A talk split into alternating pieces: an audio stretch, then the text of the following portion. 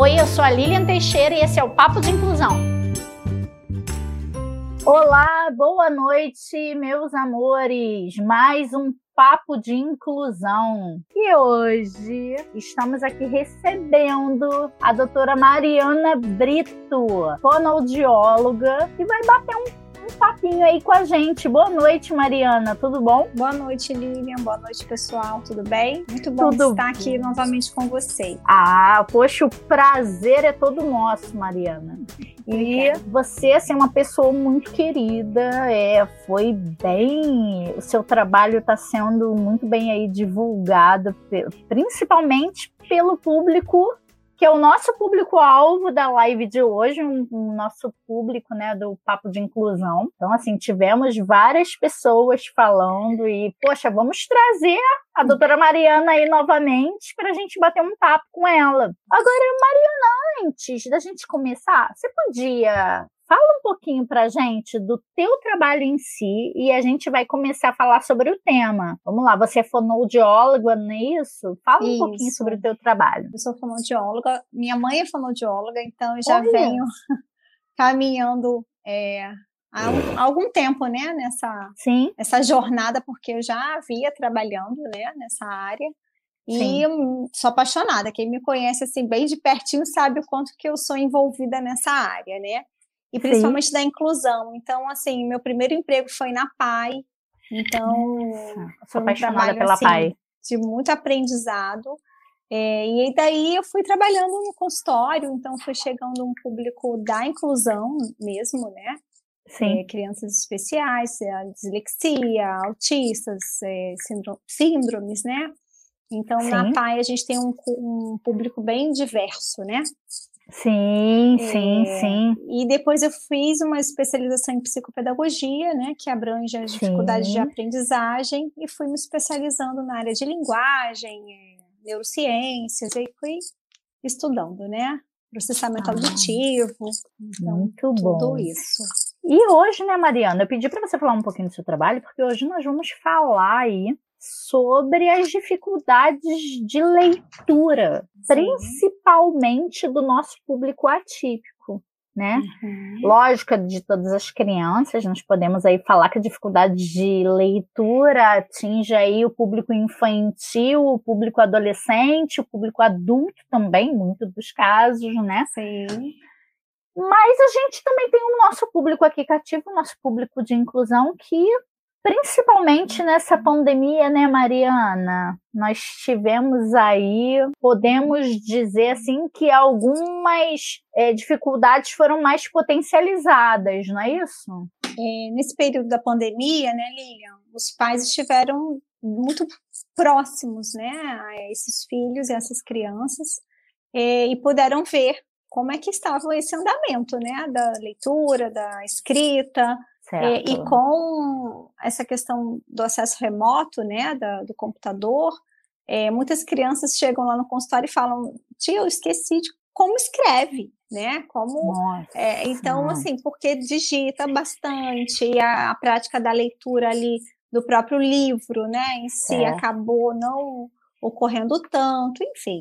Foram algumas queixas que a gente veio recebendo aí ao longo dessa pandemia é, e a gente viu alguns prejuízos, sim, né? Mas muitos avanços também. Ah, dá um exemplo, Mariana. Com Porque assim, os, com os pais ali próximos, né? Eles também começaram a talvez não terceirizar tanto esse trabalho, certo. né? Colocar só é, essa carga para a escola. E aí começaram a também treinar mais, porque viram de perto que às vezes a dificuldade da leitura, da própria escrita, então foram treinando com eles também, né?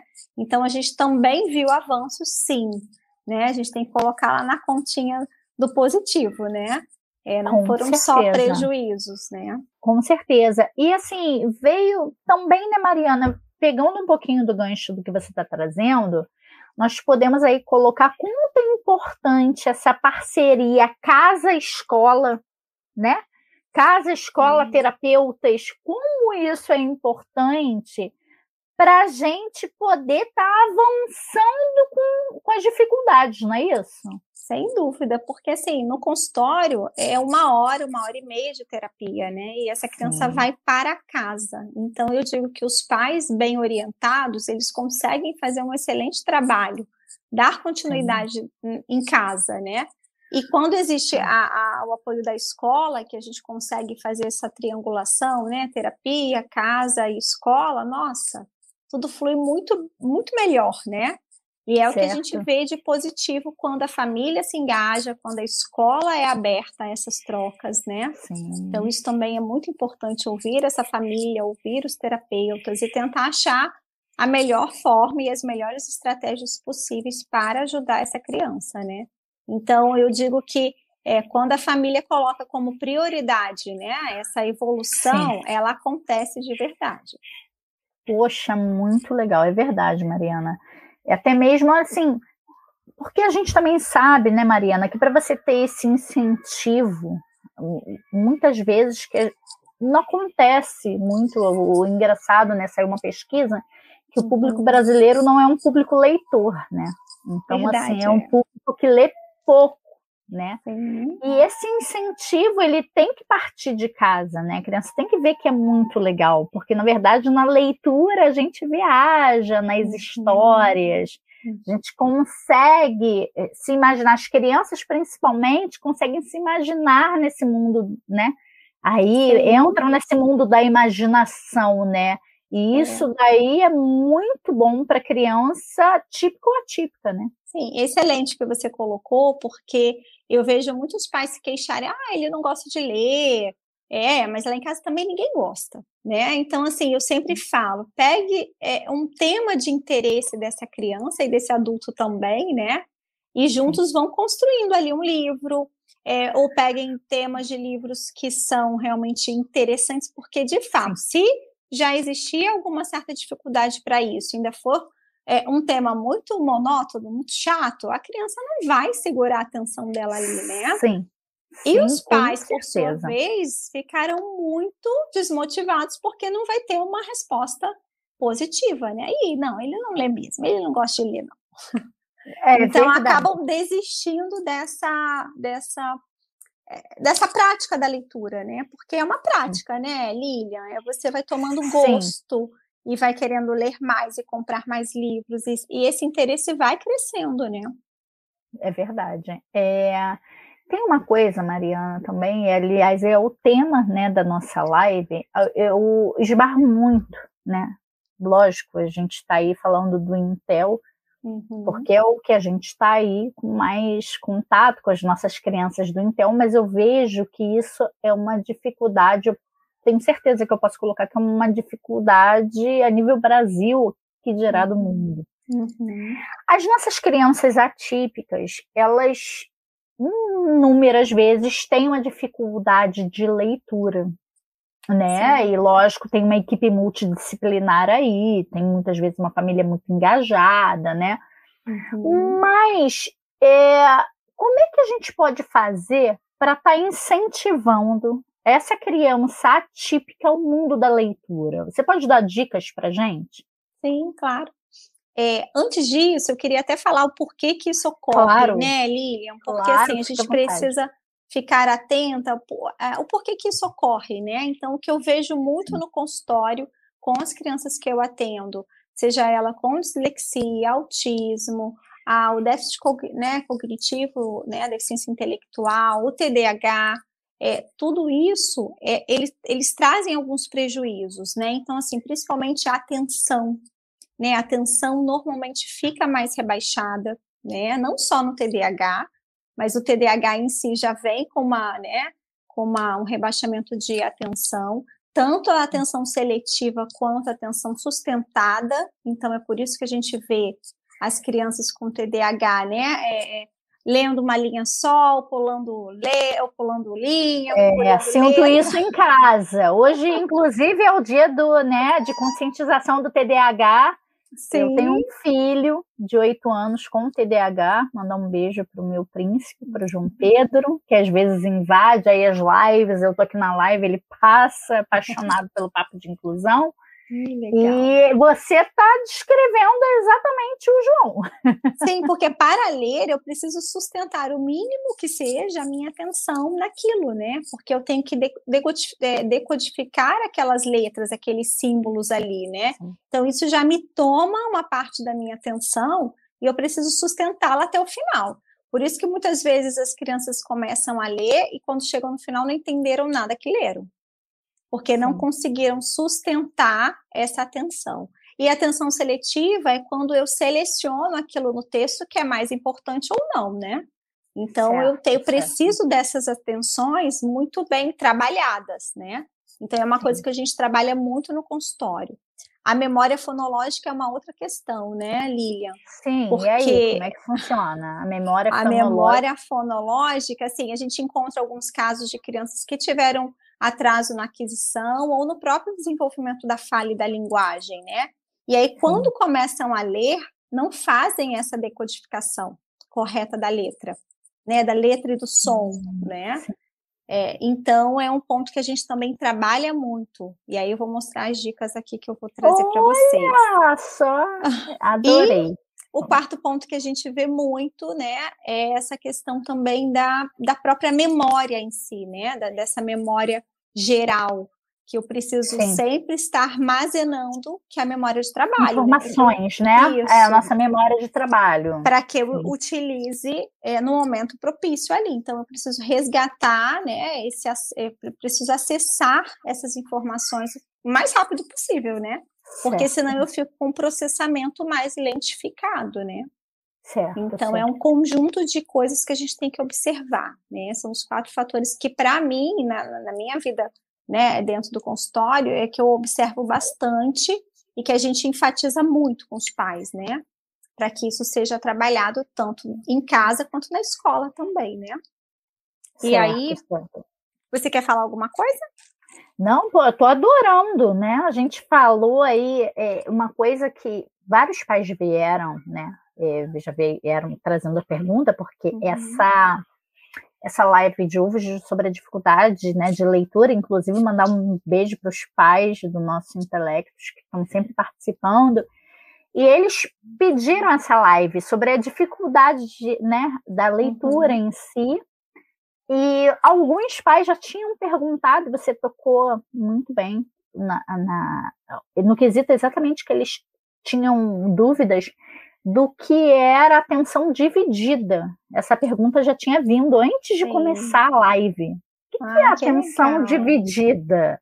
Então, que a gente chama de é, atenção sustentada e essa, essa atenção seletiva, né? Onde eu consigo hum. selecionar. A dividida é quando eu consigo dividindo essa atenção, mas sem perder muito de ambas, né? Então eu consigo prestar atenção aqui e logo voltar para o que eu estava fazendo antes, sem perdas, claro. né? Então essa é a atenção dividida. É, isso também é estimulado, né, dentro da terapia. Certo, certo. Mas vem cá, aí a gente vai uma criança, vamos lá, uma criança com TDAH, vamos colocar o TDAH, porque hoje é o dia né, da, da, conscientização do TDAH, vamos colocar. Uma criança com TDAH ou com TDA, Pode uhum. ser um déficit de atenção ou déficit Sim. de atenção com hiperatividade. Essa criança, ela está apresentando algumas, algumas dificuldades na atenção, que é o natural. Uma criança uhum. com TDA, TDAH já traz umas dificuldades na atenção, seja ela de, é, é, dividida, seletiva, uhum. o que for, Sim. ela já traz. Como é os pais em casa podem ajudar essa criança? Como é que ele tem como estimular em casa isso? Eles Sim. têm como estar tá trabalhando isso em casa? É, eu falo que assim, quando a gente vai trabalhar, principalmente a escrita, porque a, a, a, leitura, porque a leitura vem antes da escrita, né? Sim. Então isso sim. é uma coisa muito importante para a gente falar. Se a criança começou a escrever sem estar tá lendo, alguma coisa aí está acontecendo que não tá olha, legal. Gente, né? olha aí uma observação importante da Mariana. É, então a gente já a pode assim, a leitura suspeitar. vem antes da escrita, né, Mariana? Sim, sim. Porque, assim, após essa leitura, esse reconhecimento de, de letras e sons, eu consigo reproduzir isso na escrita. Né? Então, certo. eu preciso antes aprender a ler, e depois a escrever, para reproduzir essa, essa informação da leitura, né? E Sim. quando isso ocorre ao contrário, possivelmente a gente tem uma dificuldade de aprendizagem dessa criança. Certo. Né? Ela não está dentro do que a gente espera, tá? Ah, é, e assim, primeira coisa que a gente trabalha na, na leitura é a direcionalidade, né, Lilian? Saber que a, a leitura, tanto a leitura quanto a escrita, elas ocorrem da esquerda para a direita. Olha então, aí, isso gente. é muito importante, né? A criança é, se encontrar ali naquele corpo e trabalhar essa direcionalidade, primeira coisa, tá? Então, eu, a gente faz atividades para isso, principalmente trabalhando esse visual, tá? Para que ela entenda que é da esquerda para a direita. E que uma letra certo. vem após a outra também, né? Aí não... Perfeito, perfeito, Mariana. É, um exercício que eu gosto de fazer bastante, eu não sei se vai dar para vocês verem. Dá, dá sim. Então, eu tenho essa fichinha aqui, né? Com, pode ser números, pode ser formas. Certo. É, e aí eu coloco, né? Pode ser formas assim. Ótimo. E aí coloco e peço para a criança, posso marcar com um xizinho ou uma bolinha, um adesivo, certo. de onde ela tem que começar. E aí ela vai reproduzir embaixo, né? Ela vai repetir quatro, cinco, um, isso. dois. Ela, ela também vai olhar, né? É, vai olhar aqui no quatro e vai pegar a fichinha Variar. do quatro e vai colocar. Isso. Ela então, vai parear. Isso. É o famoso pareamento com esse processamento visual, né? Certo. Porque ela precisa entender que é da esquerda para a direita. Perfeito. Então, é, esse é um tipo de exercício que eu gosto muito, né? De fazer e vou mudando as fichinhas, os temas, né? Certo. E peço para a criança também nomear quem você está vendo primeiro aqui, né? O retângulo, Sim. e depois. Ah, ou então quem é o primeiro, quem é o último, para ela também ter Perfeito. essa noção de distância também, né? Que é uma outra Ótimo. coisa que a gente vai ver na escrita, esse distanciamento Ótimo. de uma palavra para outra. Sim, sim. Porque sim. tem crianças que aglutinam, né, Lilian? Que juntam tudo. Sim, sim. E aí nós temos até alguns casos aí falando da inclusão, de desortografia, desgrafia, né? Sim, então, sim. as palavras se unem, ou então quando uhum. a gente tem uma uhum. grafia aí que a gente, na verdade, não está entendendo, pode ser um caso. Por favor, mães, não fiquem espantadas. A criança, quando está adquirindo essa escrita, é natural. É natural. Elas não terem um tamanho muito bem é, pré-determinado dessas letras, tá? Sim. Mas, após o processo, existe sim aí a desortografia, né? Que uhum. aí as uhum. palavras elas se juntam. Sim, sim. Né? Então, esse, esse trabalho fonológico é muito importante, né, Mariana? Para você vai muito. dar para a criança, vai mostrar para ela, vai concretizar os espaços, não é verdade? Sim, sim. Então, assim, é tudo muito lúdico, né? Então, eu pego temas que a criança gosta, né? Por exemplo, esse trenzinho, né? Então, é um, é um tema que a criança gosta. É, eu, eu também faço, assim, com temas da patrulha Ai, canina, então eu coloco a fichinha da, da patrulha canina e peço para eles pegarem, né, os, os personagens. Então tá lá, mesma coisa, né? Coloca, e olha, e chama a atenção da criança, né? Isso. Um personagem que ela goste muito, e você vai estar Sim. trabalhando os mesmos conceitos, né, Mariana? Os mesmos conceitos, né? Então eu faço né, a ficha e aí a criança tem que colocar na sequência, né? Então, que está lá. Então, é um trabalho de atenção sustentada, porque ela tem que sustentar a atenção, né? Sim, ela tem que trabalhar sim. a direcionalidade, essa memória também, porque eu posso pedir para a criança memorizar e depois pegar. Sim. Então, assim, é um trabalho, é um material que, um recurso que dá para trabalhar em N possibilidades, né? Muito legal. E eu também trabalho a posição em cima e embaixo.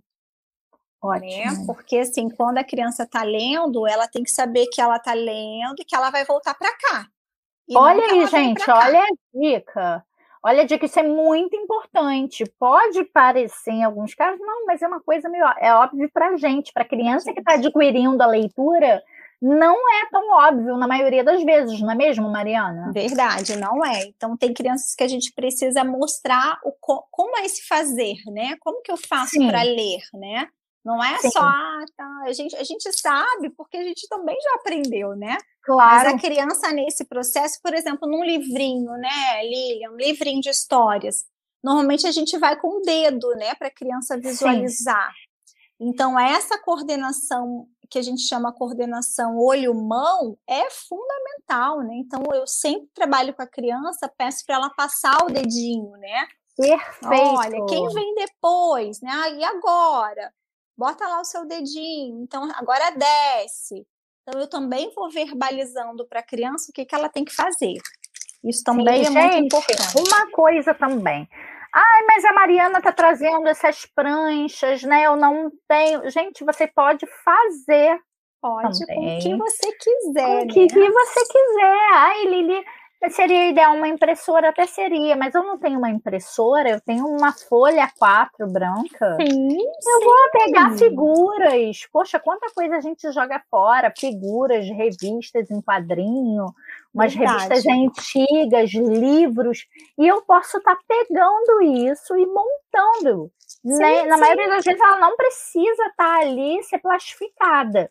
Tá? Não. Então eu posso utilizar de outras maneiras, não é mesmo, Mariana? Pode colar, inclusive, num caderno, do, né? O próprio caderno Olha da criança, aí, né? Um caderno de desenho, que ele seja grande, né? Assim, para a criança manusear, porque, inclusive, no caderno, ela também vai usar nessa posição. Quando ela senta, ela lê também assim, né? Pelo caderno. Uhum, uhum. O plano inclinado, né? Que é o quadro, né? A lousa, também pode ser a parede, enfim, pode ser a parede, a mãe pode Olha colar, né, fazer uma fita de velcro e colar, né, enfim, dá para trabalhar bastante coisas.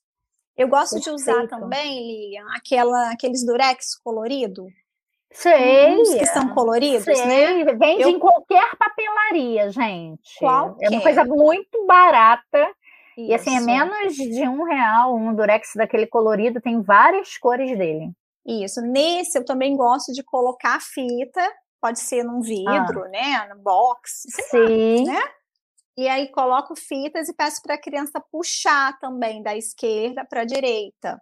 então, além de trabalhar essa força, né, dos dedinhos, ela também vai perceber que ela vai ter que olhar da esquerda pra, para a direita. Então, a direcionalidade ela é muito importante por isso né? Porque ele vai servir para o resto das atividades que ela for fazer, né? Perfeito. Gente, olha quanta, quanta dica legal que a Mariana está dando e quantas dicas viáveis que a gente pode estar tá utilizando, fazendo em casa para ajudar os nossos filhos, sim, seja ele típico ou atípico, com dificuldade de leitura. Olha que legal. Essas letrinhas GVA, números, né? Você também sim. pode colocar na posição e pedir para a criança parear, né? Enfim, reproduzir, Sim. até mesmo crianças que já escrevem, fazer a reprodução na escrita também. Então, é uma série de coisas que a gente pode trabalhar, né? A criança Sim. que não lê ainda, né? Mas a gente já pode trabalhar a direcionalidade, a gente pode trabalhar com imagens também para ela contar as historinhas, né? Aqui é a historinha dos três porquinhos. Então ela pode ir Sim. falando a, a historinha, né, com as imagens. Então eu uso para crianças que ainda não leem. Perfeito. Mariana, e a gente também pode pegar nessas letrinhas que você mostrou, Uhum. Aí a gente uhum. facilitando a vida das mães que estão em casa, podemos Sim. também colocar as letras e os números numa ordem, pedir para essa criança reproduzir essa ordem, não podemos? Isso aí, podemos, sim. Tanto a ordem, né, assim, e as posições também, né? É, embaixo, Sim. em cima, da esquerda, da direita, é, e trabalhar essa direcionalidade, a, que é a lateralidade da criança também, né? Que Sim. já vai estar tá estimulando isso. Sim, e uma hum. coisa que é muito importante a gente frisar aqui, uhum. né? É uma coisa que às vezes os pais eles ficam muito espantados quando a gente vai conversar, seja na educação infantil ou nos anos bem iniciais ali do ensino fundamental 1, Uhum. Gente, infelizmente, às vezes a criança chega na escola assim alguns conceitos importantíssimos que a Mariana está trazendo aqui para gente, tá? Uhum. A criança ela chega confusa com as questões do que é em cima, embaixo, fora, dentro. Às vezes elas confundem, ela acha que em cima, embaixo e fora, dentro é a mesma coisa, enquanto Sim, não é. verdade.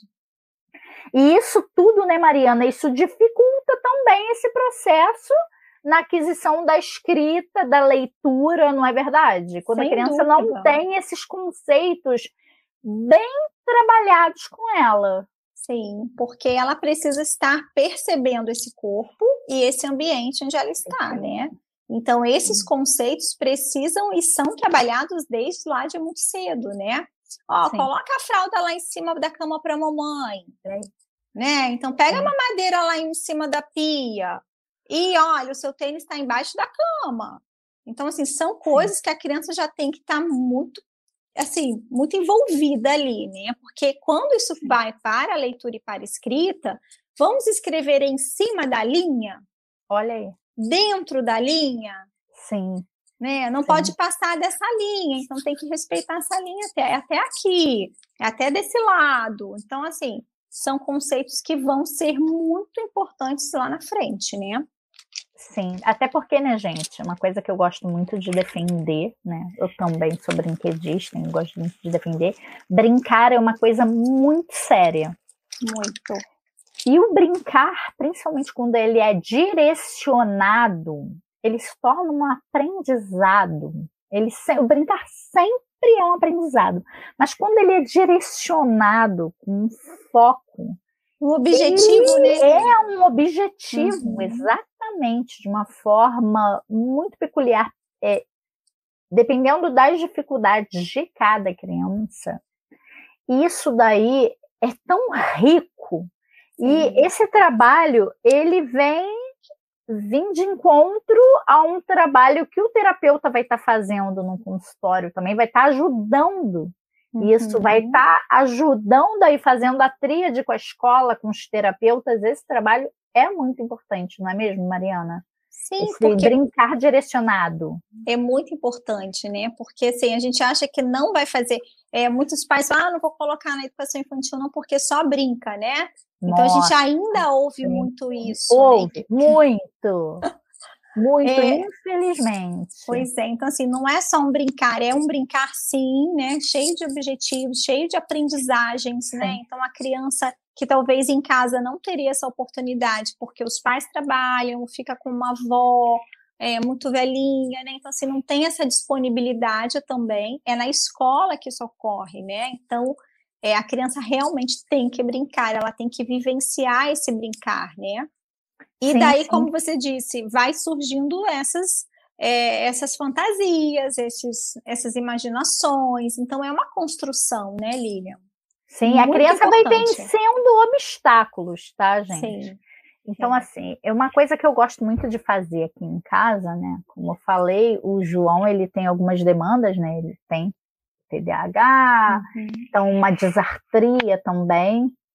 Então ele nasceu, tem uma, um certo atraso. Uhum. E assim, às vezes as pessoas olham e falam assim, não, mas ele tem, eu falo sim. E eu, eu gosto muito de usar o exemplo do meu próprio filho, porque as pessoas às vezes falam, gente, como o trabalho, essa, como essa tríade é, funciona. Da uhum. escola, os terapeutas, aliás, eu vou mandar um beijo muito carinhoso para Mônica Cavalieri, que também é fono do meu filho, já está com ele há mais de cinco anos, a quem eu tenho um carinho, um respeito muito grande, devo muito a ela.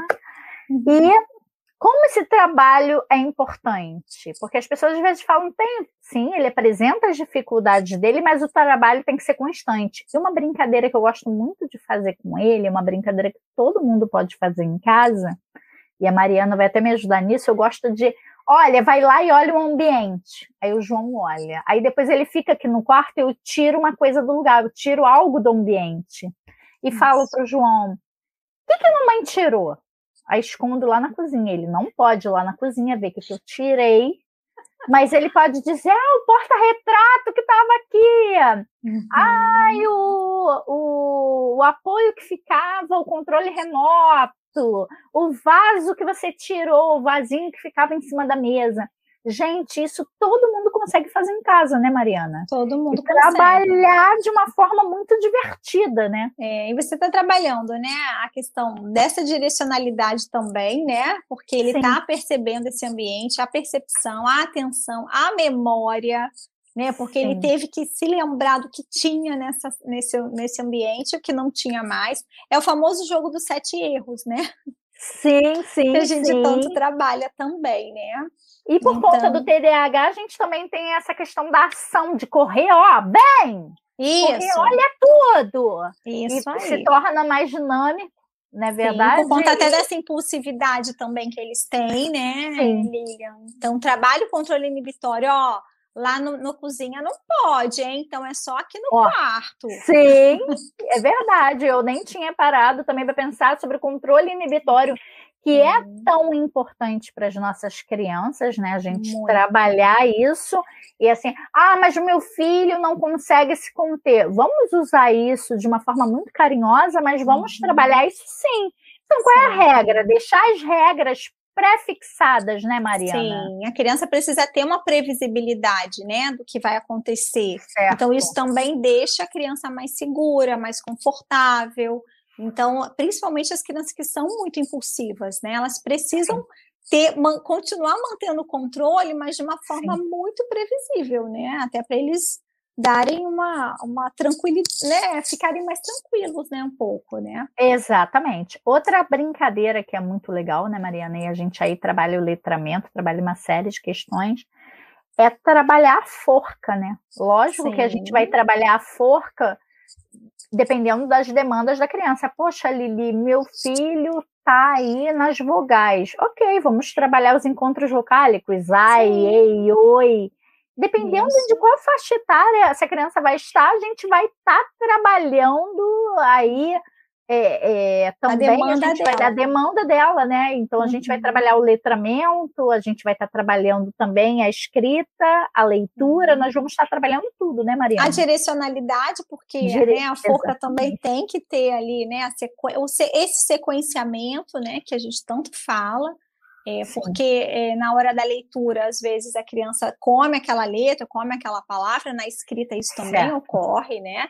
Então a forca é um excelente exercício para trabalhar. As cruzadinhas também, Olha porque trabalham também o limite ali da letra, da, enfim, é como se fosse uma soletração também, né? A ah, cruzadinha.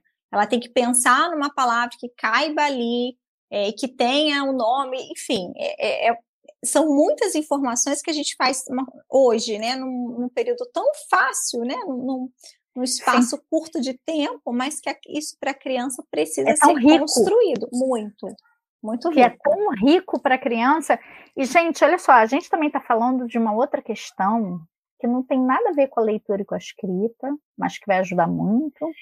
A gente está falando sobre o momento único que vamos ter com os nossos filhos? Sim. né? Então, assim, esse momento único que muitas crianças, eu posso dizer que 100% que eles vão guardar esses momentos, uhum. vão levar essa memória no tempo que eu brincava com a mamãe. Poxa, mas Lili, Mariana, poxa, eu trabalho o dia inteiro. Que você tire 15 minutos para fazer isso com seus filhos, mas que sejam 15 minutos de qualidade. Que ele saiba que por dia ele vai ter 15 minutos com você de uma brincadeira, de uma cruzadinha, de uma uhum. forca. Aquela brincadeira, né, Lilian, do tá quente, tá frio, né? Esconde Ai, um objeto adorava. também, né? Esconde, esconde um objeto, por exemplo, na sala. Ih, cadê o objeto? Tá quente, tá frio. Você Gente, também adorava. trabalha esse controle inibitório, é, essa, esse conceito do quente, do frio, que o quente é porque tá perto, o frio é porque tá longe. Então, olha, olha quantos conceitos, né? E realmente Sim. a criança conta com a chegada dos pais naquele momento ali que é único, né? Então, mesmo Verdade. que seja 15 minutos, mas como você disse, que seja um tempo de muita qualidade, sem celular, sem corre-corre. Sem nada. E depois Verdade. juntos vocês vão é, é, criando até. Eu acredito que depois acaba aumentando esse tempo, né, Lília? Sim, Porque é tão sim, prazeroso, sim. prazeroso para os dois, né? Que esse tempo é aumentado depois. É verdade. Mariana, outra coisa que eu já deixei até aqui do meu lado, porque eu sou muito fã, acredito que você também. Vou aqui pegar. Uma coisa que vende em qualquer lugar, que é rico demais. Que a gente consegue trabalhar leitura, a gente consegue trabalhar motricidade e a gente consegue trabalhar um monte de coisa. Ansiedade. Uhum. É, não posso fazer propaganda. Massinha. A massinha. Bom, Isso aí. não posso virar aqui para a câmera. Por quê, gente? Aí a gente vai estar tá trabalhando também, né, Mariana? Vai me ajudando aí. A gente tá uhum. vai estar tá trabalhando também o letramento. Vamos fazer uma letra de massinha? Isso aí. Né? Isso. Trabalhando Você consegue a fazer a letra do seu nome, né? É, então, você imagina o planejamento que essa criança vai fazer para conseguir reproduzir essa letra. Né? Então, Perfeito. eu preciso de um pauzinho, eu preciso de uma bolinha, eu preciso de um, um arco, eu preciso de quê? Como que eu faço isso? Então, isso é muito importante, porque quando ela vai traçar isso na escrita, ela vai precisar fazer o mesmo sequenciamento, o mesmo planejamento, concorda? Perfeito. E até porque, né, gente, a gente está falando também, lógico, a gente está falando dos típicos e atípicos, mas nosso público é aqui que está trazendo essas demandas é o nosso público atípico. Nós sabemos que as crianças atípicas elas apresentam uma demanda muito grande de trabalhar o concreto. E com a massinha a gente consegue trabalhar esse concreto. Elas vão estar colocando literalmente a mão na massa uhum. para estar tá fazendo essa letra, né? Então a gente pode usar um pareamento, pode estar tá mostrando para essa uhum. criança, né, Mariana? Uhum. Sim. Essa letra. Sim. Vou pegar um papel A4, vou fazer uma letra grande, vou pedir para ela reproduzir com a massinha, não é verdade? É verdade. Então, assim, gente, podemos usar palitos de picolé para fazer essas, uhum, essas, essas letras, letras também. Uhum. Né? E Mariana, uma pergunta que sempre as mães trazem, né? E, e, isso é muito do. Vejo muito no público de crianças né, atípicas é, as mães, poxa, a gente está trabalhando, está trabalhando, vai estar tá trazendo tanta coisa, está trazendo massinha, está trazendo tantas atividades, e o meu filho continua com muitas dificuldades na leitura. Quais dicas ou qual aconselhamento que você daria para esses pais? Sempre peço para procurar, né? E indico uma psicopedagoga. Eu acho que é um profissional que está sempre é, que é preparado para as dificuldades né, de aprendizagem.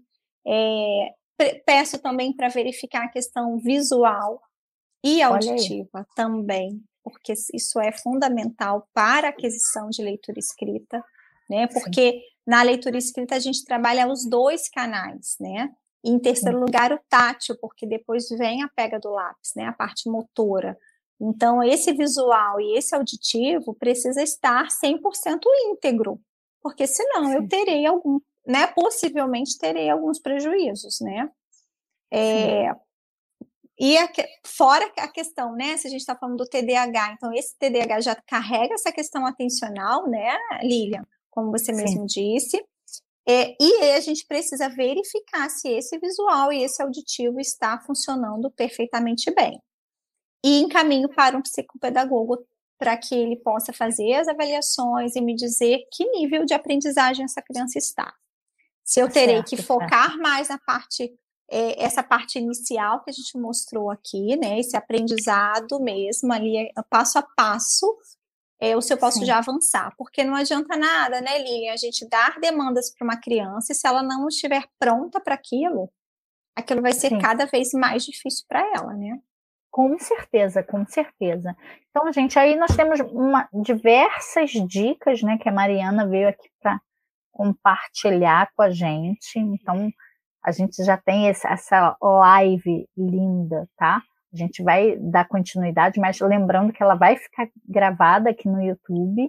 Então, a gente pode rever e sempre trazer coisas novas tragam também, quem quiser deixar os comentários aí, dando dicas também. Poxa, isso que eu trabalhei com meu filho, isso deu certo, né? No final aqui da live a gente vai deixar os contatos aqui da Mariana também, para gente ir sempre aí tirando uma dúvida, é, entrando em contato, quem tiver interesse, uma excelente fonoaudióloga. Gente, uma coisa também, Mariana, é as, as questões que você está trazendo aqui, elas não são restritas. A gente falou muito do TDAH, porque hoje é o dia de conscientização do TDAH, uhum. mas todas essas dicas que nós estamos dando é para qualquer tipo de criança, com qualquer tipo de demanda, não é isso? Sem dúvida, sem dúvida. É, uma, gente... é, é, esse brincar que a gente tanto fala, né? Meus sobrinhos, Sim. por exemplo, quando eles vão lá no consultório, eles aproveitam. Então, eles, eles aproveitam, não? eles querem mexer em tudo, eles querem aproveitar e vivenciar todas essas experiências, né? Então, é muito válido para qualquer tipo de criança, né? E da, desde as menorzinhas, né? Então, hoje a gente já consegue fazer trabalhos sensoriais, principalmente, né? Com bebês, né? Então, trabalhar esse sensorial, essa pele, esse, esse corpo, né? É muito importante desde lá dos bebezinhos, né? Sim, gente, o que a Mariana está trazendo também da questão sensorial, que é muito importante, né? Nossa, eu sou muito fã das atividades sensoriais. Sensorial, quando a gente está falando, é trabalhar os cinco sentidos que todo ser humano tem, né? Sim. Então, assim, a gente está falando aí, sim, do tato, do olfato, do paladar, da visão, Isso. né? Então, eu estou trazendo da audição e eu estou trazendo todos os sentidos que o corpo tem né? Sim. E você ativando os cinco sentidos, isso daí vai passar uma mensagem para o cérebro da criança. Ela está sentindo novas sensações. Quando a gente trabalha esse sensorial, ela está sentindo novas sensações que causam nela uma sensação de bem-estar grande e propiciam e ajudam ela a trabalhar melhor suas dificuldades, não é isso, Mariana? Isso mesmo, isso. São essas experiências diversas, né? Então, esse Sim. período da pandemia, né, é assim, a gente recebeu muitos pacientes, né, Lilian? É, porque as crianças, é, é, quando eles ligam, eles falam, ah, é um bebê de pandemia, que não fala e que está com medo de sair na rua, é, que está colocando a mãozinha no ouvido. Será que é autismo? Será que não é? Né? Então, assim, a gente é. tem ouvido muito isso. É, a gente sabe que os casos realmente aumentaram bastante, né? É, hoje a gente tem profissionais excelentes que conseguem fazer é, as avaliações mais rápido, né? Detectar os diagnósticos mais cedo, né? Dos pacientes, seja ele com TDAH ou autismo, enfim. É, mas assim, são crianças que vivenciaram pouca coisa, né? Porque só ficaram no mesmo ambiente, com as mesmas pessoas, então, tem crianças que chegam lá no consultório que não querem colocar sapato. Nossa. Aí a mãe, Mariana, eu acho que ele tá com fobia, sei lá, fobia, medo, é, dor. É, ele não quer, mas por quê? Ficou quase um ano usando chinelo, não saiu para lado nenhum. Né? Então, Olha assim, aí, gente, às vezes essa... tem mais de um ano, né, Mariana? Porque a gente Sem já está aí com um ano e três meses, é. né? Então, assim, bebês de dois anos, três, né? Crianças de dois, três anos, é, ficaram um ano trancadas, sem experiências nenhuma, sim, né? Sim, sim. Então, esse sensorial está muito empobrecido, né? É porque sim. só vivenciaram algumas coisas, né? Então, esse mundo lá fora não foi vivenciado, né? A gente, gente sabe e que... é só ter um pouquinho de paciência, né, Mariana, também. Só, não só. fiquem, lógico, procurem ajuda de profissionais, sim. sim, tá? Não que vocês não tenham que pegar opiniões, peguem opiniões, isso, comparem, né? Comparem. Exatamente, uhum. tragam isso. Mas calma, poxa, o profissional, como a Mariana colocou muito bem, está me dizendo que ele precisa experimentar, ele não está gostando. A paciência que a gente está falando, tenham paciência, porque tudo que é novo, às vezes, pode espantar, principalmente uma criança. Sim, né, pequena. Sim, sim. E ela vai se espantar com aquela questão e aos poucos, né, Mariana? Isso sim. vai sendo trabalhado nela, né? uhum. né?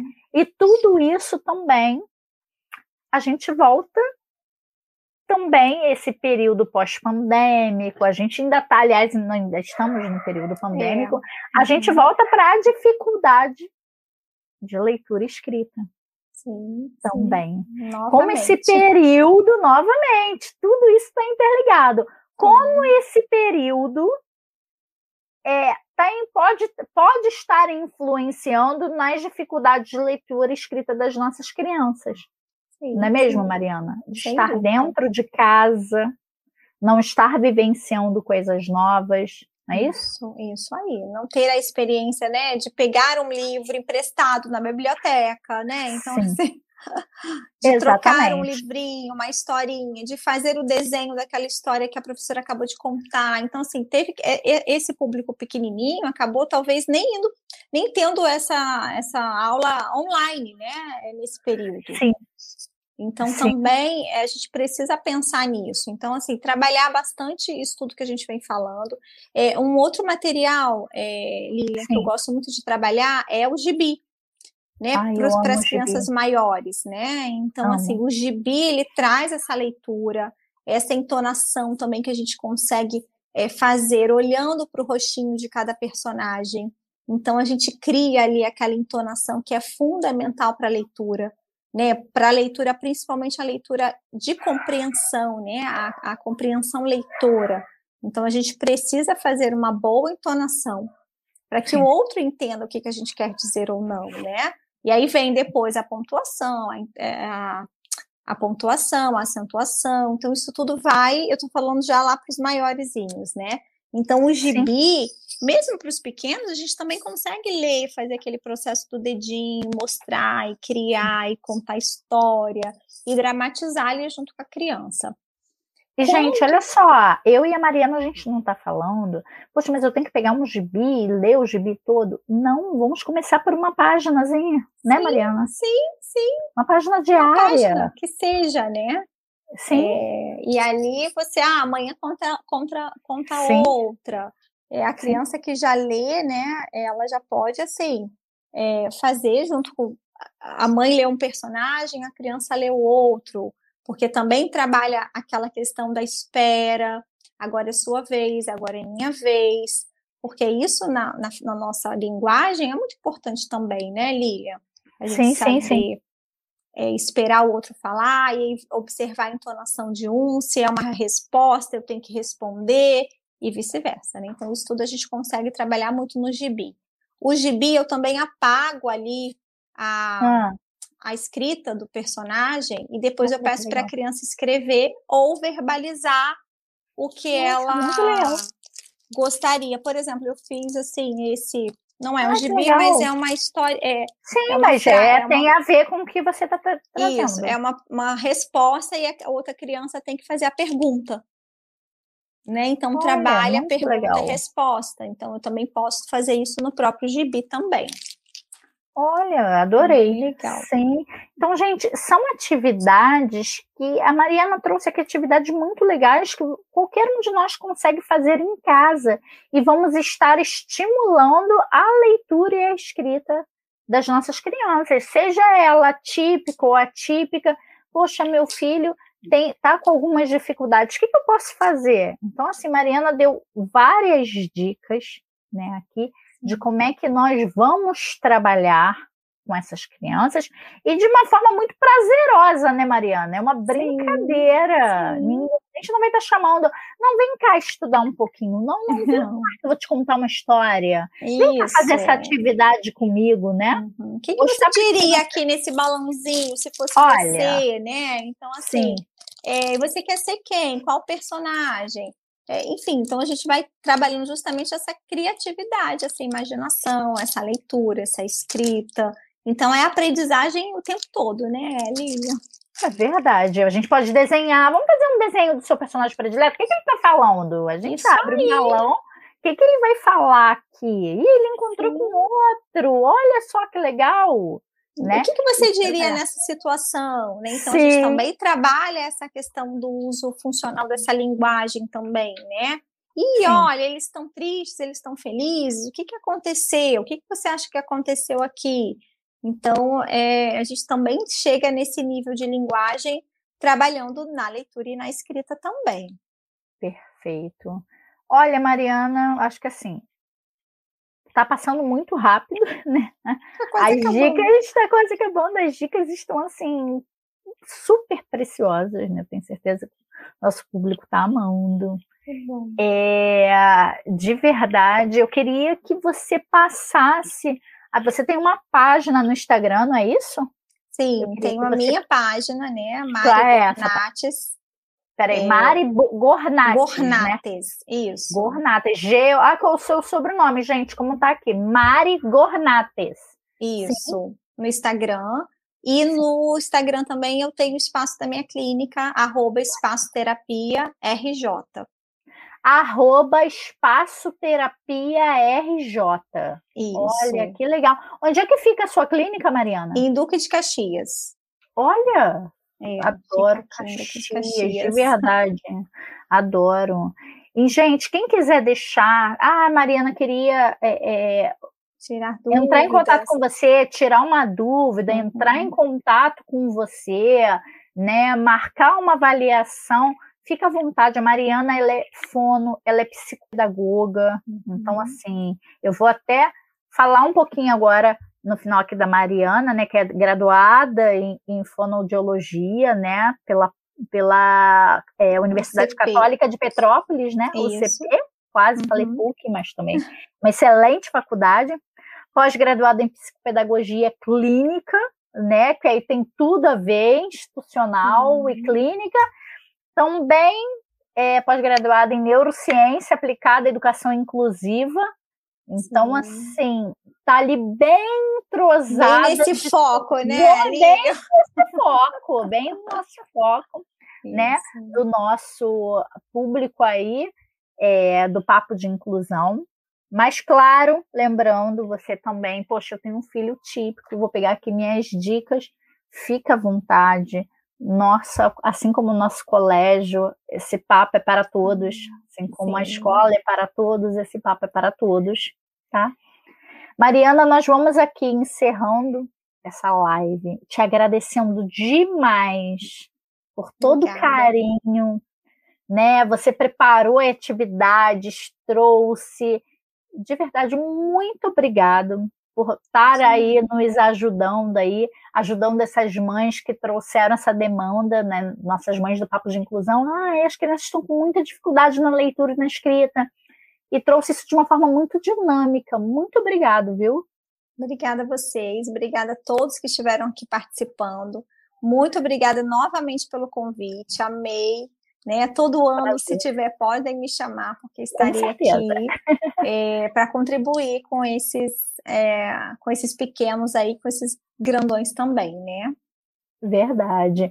Olha, Mariana, é, com certeza vai ser chamada, né? Mariana, ela deu, tinha dado uma live para a gente antes também, né, Mariana, no ano passado. No ano passado, é. Isso, com certeza será, já é uma prata da casa, será chamada novamente. Obrigado. Quero agradecer também o nosso público, né? Sim. O público do Papo de Inclusão, os nossos corações verdes do Intelectos, os amigos do Intelectos que estão vendo essa nossa live. Gente, muito obrigado. Qualquer dúvida, é só entrar em contato pelo Instagram, pelas nossas vias de comunicação. É sempre um prazer estar recebendo vocês. Lembrando que, assim como nós trouxemos a Mariana, poxa, Lilia, a gente está com umas demandas, está com algumas dúvidas, poxa, a gente pode pedir o próximo papo? Gente, a gente está sempre tentando trazer os profissionais que vocês estão pedindo, que vocês estão trazendo essa demanda. Podem trazer as dúvidas, podem dar ideias dos próximos papos de inclusão, porque é sempre um prazer. Isso tá? não percam a oportunidade, não né, Lívia? percam, não percam, porque é sempre um prazer estar aqui. Hum. Nos encontramos no mês de agosto com mais um papo de inclusão. Um beijo, Mariana. Um, um beijo, beijo, Miriam. Obrigada novamente a todos. Um beijo. Um beijo, corações verdes, ó. Intel. Beijo, tchau. Tchau, obrigada.